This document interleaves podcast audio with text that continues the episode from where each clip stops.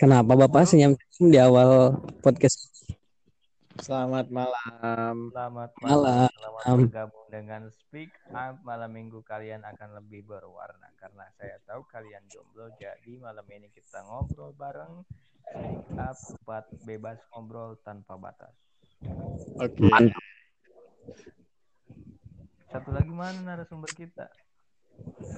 Nggak tahu. Kayaknya lagi ada keperluan. Waduh, Pak. Malam ini mau ngobrolin apa nih? Bebas kali ya? Lo- apa aja ya? Nyantai. Lo, lo, lo, Anda harus tahu, Pak. Bahasa Oh. Namanya juga speak up, membicarakan hal-hal yang tidak penting. lo, lo, setidaknya Anda membuka pembicaraan, Pak. Oke. Yang tadi sudah di Pak. Nggak ada, kehapus. Sinyalnya jatuh. Terima kasih banyak Bapak atas waktunya. Eh, izin izin dulu ke belakang ya. Izin ke belakang, tapi nggak saya matikan. Ya udah, saya nggak bakal ngelihat Bapak ini, mangga. Sok, lanjut aja ngobrol berdua. Host, hostnya undur diri satu. Oke. Enggak. Eh, siap, saya ambil alih. Udah kayak pramuka. Bagaimana? Apa kesibukannya nih? Bang Wahyu, udah lama kan kita nggak ketemu. Oh iya, udah lama sekali. Aduh. Ya, akhir-akhir ini selain kuliah, biasanya saya sibuk membuat video ngevlog gitu kan, yang subscribernya tidak naik-naik. Oh, masih jalan tuh ya? Masih, Masih bertahan. Tetapi masih ya vakum dikit lah, karena kan eh, sedang belajar bisnis juga. Oh, gimana nih kan namanya itu ramen motovlog, sedangkan motornya itu dijual. Itu gimana tuh? Bakal ganti nama itu atau gimana?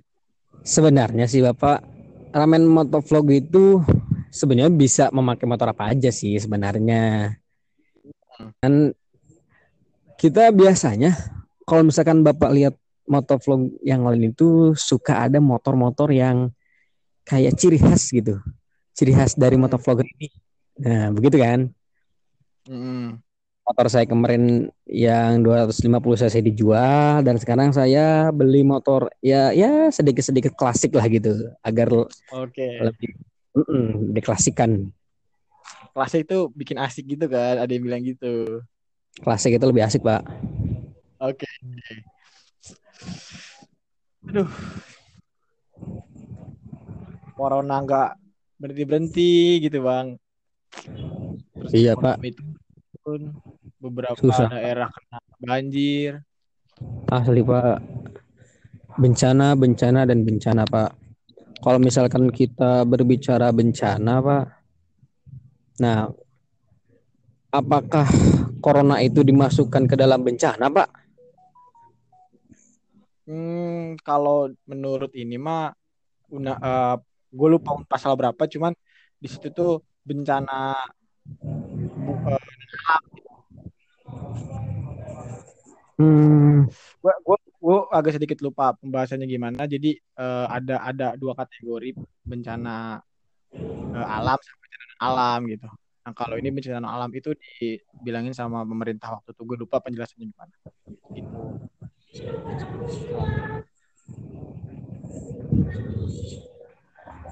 Mangga, mangga, siap. dan juga dan juga selain corona ini kan ya kita tahu sendirilah akhir-akhir ini Indonesia ya termasuk daerah sekeliling kita lah dari Karawang, Subang, Majalengka, Sumedang itu terkena dampak banjir pak. Hmm, Nah ini yang menarik pak. Kalau misalkan gimana tuh bang? kalau misalkan kita ambil satu kasus ya di salah satu daerah kita tidak bilang lebih tepatnya tetapi ada di salah satu daerah itu di seperti pemukiman lah ya pemukiman ya pemukiman biasa lah di kampung gitu kan. Nah ada salah satu perusahaan yang ingin membuka pabrik lah perusahaan di situ. Sudah pembebasan lahan. Nah dalam tahap pembebasan lahan ini pas di awal-awal masyarakat itu tidak ada ya tidak ada penolakan gitu biasa aja gitu. Karena masyarakat tahu bahwa oh untuk saat ini belum ada dampaknya loh ke kita. Begitu pak. Ngerti kan? Ya, nah Hmm, paham.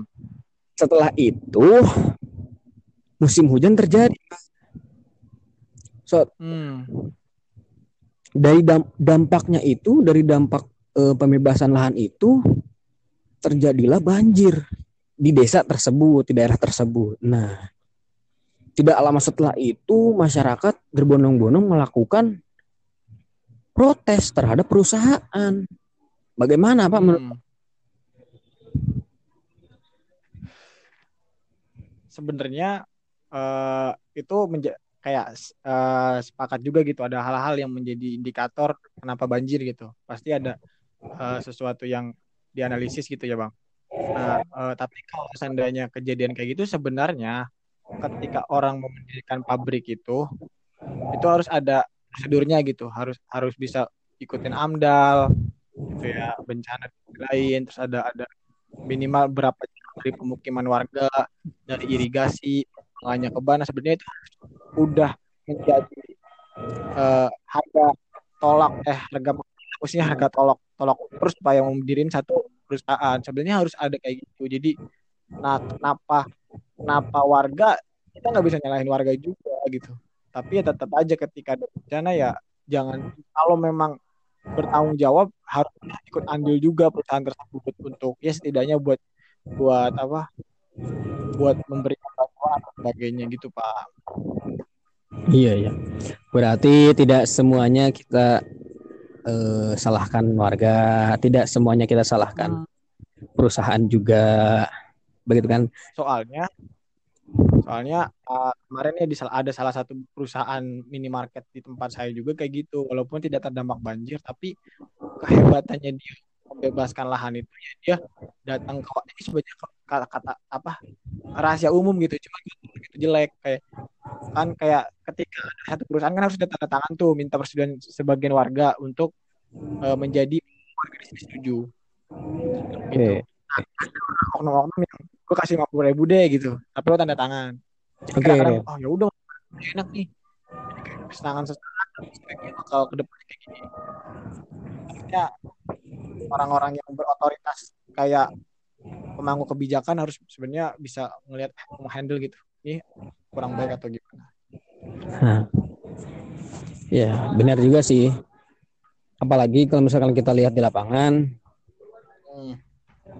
Dan juga kita tidak terlalu tahu mengenai ya kebijakan pemerintah itu seperti apa gitu kan. Karena ada juga pemerintahan yang tertutup, tidak transparan kepada warga. Hmm. mengenai yang tadi Bapak katakan bahwa eh, perusahaan kalau misalkan Bapak baca di beberapa bulan terakhir kalau nggak salah ya atau tahun kemarin itu ada eh, bencana di Jakarta atau daerah ya sekitaran sana lah Jabodetabek itu banjir dan merobohkan tembok eh, PT Kongguan PT Kongguan tetapi di Hmm. sini tetapi di sini Kongguan mem- memberikan tanggung jawab gitu. Mer- mer- Mereka mereka siap, pasti sangat-sangat siap gitu. Karena mereka juga mengetahui kenapa kenapanya gitu. Menurut saya itu Hmm. bagus sih. Jadi ya dari warga dari warga ada kritik, ada pe- penyampaian mengenai ya banjir atau tembok yang jebol waktu itu langsung direspon oleh pihak terkait begitu Pak. Hmm. itu poin plusnya lah buat harusnya PT-PT berkaca sama PT yang tersebut dibicarakan. Iya. Oke, Sama Selamat datang, udah selesai ke belakangnya. mantap sekali seperti membuang beban yang selama ini saya pendam. Wah, luar biasa. Gimana eh, pembahasannya sudah selesai? Tadi cuma ngebahas tentang ini ya, tentang bagaimana sih kayak bencana di Indonesia kayak gitu, perusahaan PT-PT yang didirikan terus tentunya banjir kayak gitu. Salah satu indikator sih bang. Oh. Ya, kenapa ya Indonesia itu setiap pergantian tahun di awal awal tahun gitu selalu saja terjadi bencana-bencana hebat. apalagi ketika banjir kan apa ketika hujan musim hujan udah pasti banjir kan sering sekali hal seperti ini terjadi. Bahkan sampai timbul pertanyaan apakah hujan ini membawa berkah atau justru membawa bencana bagi negara kita? Dalam nih pembahasan. Oke, oke. ada ada komentar nggak dari apa yang disampaikan kayak gini Bagi- Eh, sebelumnya kita lihat dulu musim-musim di Indonesia itu bulan-bulan apa aja apa saja gitu, Pak. Karena Januari Februari Maret April Mei bulan-bulan hujan, Pak. Agustus Bulan-bulan hujan, Pak. Mohon maaf. Jadi ada bulan jadi ada musim hujan, ada musim kemarau. Nah, akhir-akhir ini memang eh musim hujan dan musim kemarau itu agak susah ditebak gitu kan. Ya, seperti inilah kondisinya. susah ditebak Nah, begitu Pak perkataan Anda, Bapak. Nah, masih aja dan juga kan kalau misalkan kita berselancar di media sosial, banyak sekali orang yang berbicara mengenai agama dengan hal-hal yang terjadi di daerah kita. Seperti tadi Bapak bilang, apakah ini Hmm. bencana atau ini berkah gitu, ataukah ini dosa-dosa orang-orang yang merayakan tahun baru? Banyak orang yang seperti itu. Nah, kalau misalnya iya iya iya kita sih ya menanggapinya tidak terlalu apa ya terlalu kaku sih kalau misalkan orang-orang yang tenang sih oh ini cobaan. Ada juga ya oh mungkin ini balasan. Ya, seperti itu pak lah. Pasti beda-beda pandang. Oke. Tetapi Atau- setidaknya ketika bilang berbicara mungkin ya, ini tidak menghakimi gitu. Itu aja sih. Prank. Prank dari Tuhan. Gimmick tuh Bisa. kan tahun baru tuh ngeledakin ngeledakin apa namanya merapi terus langit balas dendam ngeledak eh nurunin air Oh, kayak gitu. iya. ada gimmick-gimmick kayak gitu. Iya. Tuhan ngepranknya ngeri. Ada juga tuh pak. Sekarang kan banjir tuh pak. Banjir sungai-sungai meluap. Iya. terus sungainya udah surut dan juga ada orang yang memvideo memfotokan sampah-sampah di sungai. Terus dengan caption alam mengembalikan yang bukan haknya. Waduh. Waduh. Tapi gini pak. Ini dari sudut pandang eh, filsuf gitu ya. Mantap jadi gini kadang seorang filsuf itu mengatakan bahwa kita itu manusia itu adalah subjek. Nah sedangkan eh, bumi itu adalah objek. Oke. Gue lupa ini, ini perkataan dari Kiai Jekil Siroj ataupun dari eh Habib Japar cuman beliau pernah bilang gini jangan jadikan jangan jadikan eh, bumi itu jadi objek ketika orang eh ketika bumi itu menjadi objek maka kita bakal seenak-enak enaknya aja gitu membuat apa membuat enaknya di bumi pokoknya gini ada satu Al-Qur'an yang mengatakan bahwa kerusakan di bumi itu adalah kelakuan manusia itu sendiri Mm-mm. selayaknya bumi itu dijadikan sebagai subjek. Ar- Artinya kita sama-sama setara. Gue orang yang hidup dan alam juga orang hidup. Kalau seandainya gue subjek dan alam adalah objek, maka gue akan memperkosa terus-terus alam itu. Gue akan melakukan alam, gue terus akan maksa alam, maka alam akan mengeluarkan sesuatu yang tidak ini. Tapi kalau kita memandang alam adalah gue atau subjek dan setara sama kita, kita bakal ngejaga kayak gitu. Kenapa kenapa apakah banjir atau tidak? Ya mungkin kalau berkaca sama salah satu ayat tersebut eh, yang tadi bahwa setiap bencana pasti adalah eh, setiap bencana itu adalah kelakuan manusia sendiri. Karena sudah lama seorang filsuf tuh menafsirkan bahwa bumi itu adalah objek sehingga ya udah kita keruk aja tuh. Gunung kita batas apa apa kita ini tidak ada eh, feedback gitu. Udah baik sama alam alam harus baik sama al- alam pun bakal baik sama kita. Sedangkan hakikatnya kita selalu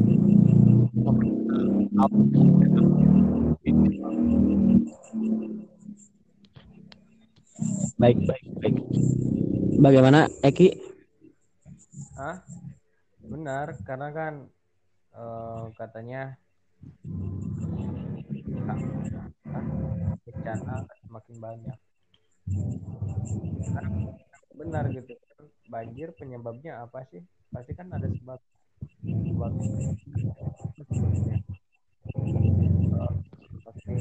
penurunan tingkat oksigen apa sebabnya? Faktor apa sebabnya itu kita, kita menjadikan uh, bumi sebagai adalah sesuatu yang naik oleh satu. Kita, kita menjadi sebagai objek ya dihancurkan lah akan terjadi. Suaranya dideketin. Ini ada suara apa tuh? Itu kipas ya, karena saya di sini oh. agak harudan. Oh, kira gue motor. Kira itu di jalan. Hmm. Saya tadinya rada harudang gila. Nah, guys. Tadi tuh suara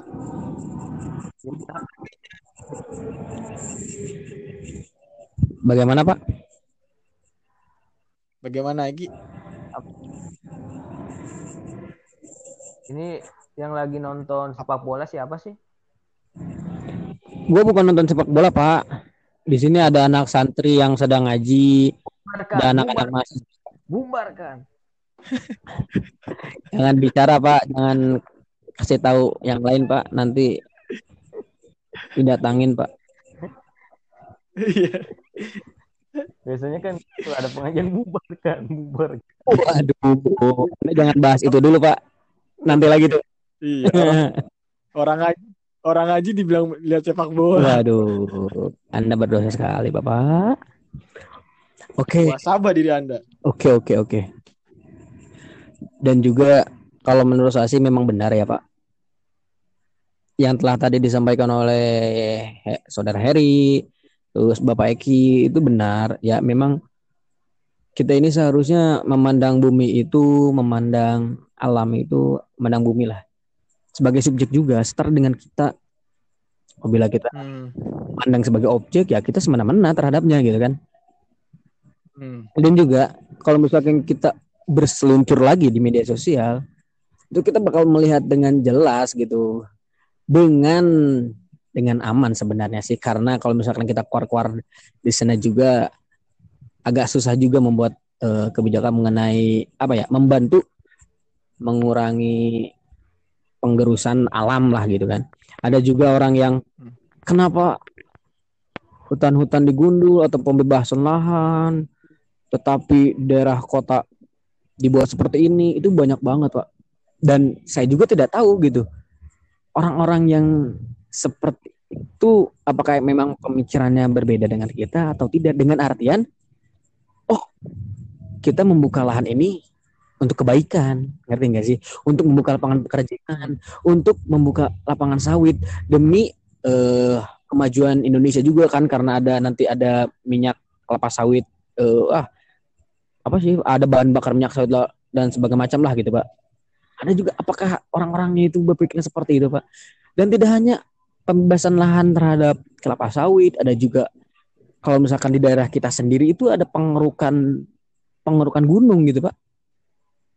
Hmm. Nah, saya juga tidak mengerti apakah ketika orang yang mempunyai kekuasaan atau mempunyai hak mempunyai wewenang gitu kan,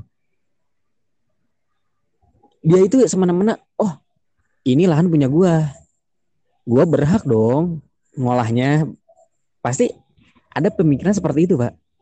Boleh dong. Boleh dong. Nah saya juga tidak tahu kenapa itu bisa terjadi gitu pak. Orang-orang kita. Bisa banget ya. Orang-orang kita nih pak seperti kita ini sekarang kita berbicara di bawah berbicara mengenai mereka yang berbuat seperti itu. Tetapi apakah saya yakin perlakuan saya ini akan tetap sama ketika saya semisalnya di atas Nah, semisalnya kita diamanahi seperti orang-orang di atas tadi, Pak, apakah kita akan sama atau memang oh, kayaknya ya juga ya, kayaknya ngelakuin ini itu nggak apa-apa deh, sedikit aja ya, begitu, Pak.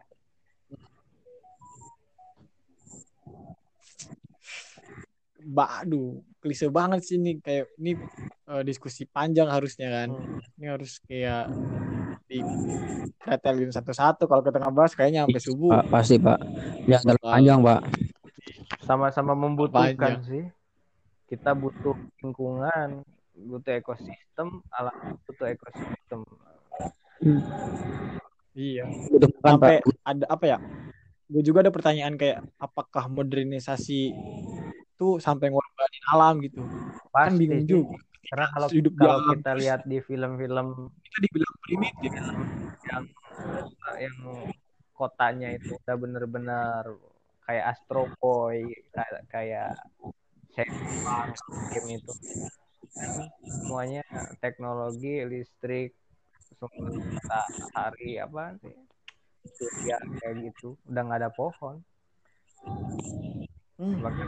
sampai ada film Wall E yang pengangkut sampah tuh Oh iya iya. Ah, itu kan nyelamatin satu pohon doang gitu kalau nggak salah. Cuman ada satu pohon doang.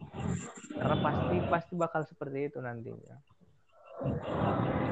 lu lu belum pernah ngebayangin guys kalau seandainya udah udah anak cucu gitu ya udah cucu ataupun sampai keturunan bawah gitu ya terus dia nanya apa tuh pohon ini gitu Akhirnya pohon cermai udah enggak apa pohon cermai ini pohon cermai itu kayak jadi legenda Eh, bisa sih memang kayak anjing sedih kayak banget sih nggak bisa dipangin Benar sih pak. Benar pak. ya Memang lagi namanya juga manusia kan berkembang dan butuh tempat gitu kan. iya. Kalau mau alam pasti kena imbas. Tahu nggak pak?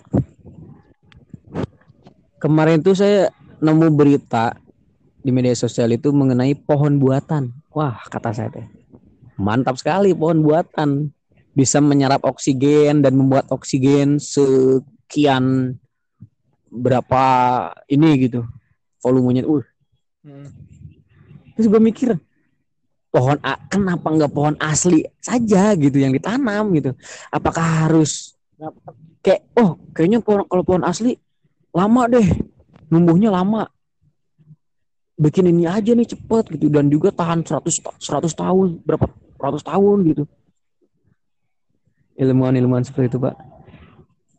Dan ada juga orang yang ber- berbicara ini adalah orang-orang yang melawan kodrat Tuhan men- melawan alam. Wah komenannya tuh yang tidak setuju gitu pak. Ada juga yang setuju oh simpan saja pohon buatan ini di tengah kota nah ada juga seperti itu pak Sebetulnya eh, kalau pernah nonton film Netflix jud- judulnya apa ya? Lupa. aduh sebut merek lagi masalahnya masalahnya kita nggak pernah nonton gitu pak Film itu kan Berkesan itu, Pak. eh, coba jelasin aja bahwa eh, kehidupan di Mars itu bisa gitu bisa sama seperti di bumi. Jadi mereka itu menciptakan pohon namanya pohon kehidupan. Dari pohon itu menghasilkan oksigen berkali-kali lipat lebih banyak daripada pohon pada umumnya.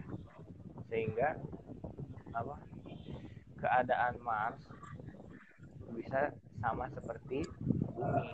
Karena pasok hmm, karena pasokan oksigen di bumi. tadi berkali-kali lipat kan dari pohon itu. Dan ternyata ada kan yang Wahyu bilang udah ada gitu penelitiannya. Bahkan sebetulnya di salah satu universi university di Belanda pernah mengadakan penelitian bagaimana caranya menanam bercocok tanam di Mars sudah ada teorinya. Dan sebelum teori itu ada sudah ada filmnya. Judulnya Mars. Ini ada helikopter ya? Teman kita sedang dekat kipas angin pak. Itu helikopter. Apa hal-hal yang kayaknya mustahil itu bisa saja terjadi. Karena dulu dulu kita nggak kenal HP dulu kita nggak kenal yang namanya listrik. Dulu kita nggak kenal yang namanya pesawat terbang. Hal-hal hal-hal itu kan bisa diwujudkan gitu. Di zaman dulu mungkin orang berpikir ah gila nih orang. Saat ini kita megang gitu apa yang mereka pikirkan apa yang mereka anggap gila dulu tuh mungkin suatu hari nanti juga bisa terjadi kata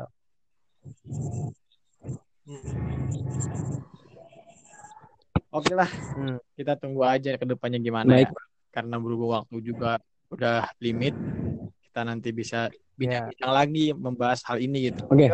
Gimana Pak Moderator? pengalaman eh, tahun ini terima kasih kepada dua narasumber yang selalu menemani kita di podcast Speak Up. Saya Kika Saputra sebagai host. Terima kasih, selamat malam minggu, selamat bercinta bagi mereka yang memiliki pasangan, yang jomblo cukup baca buku, minum kopi, atau nonton TV. Dan selamat malam.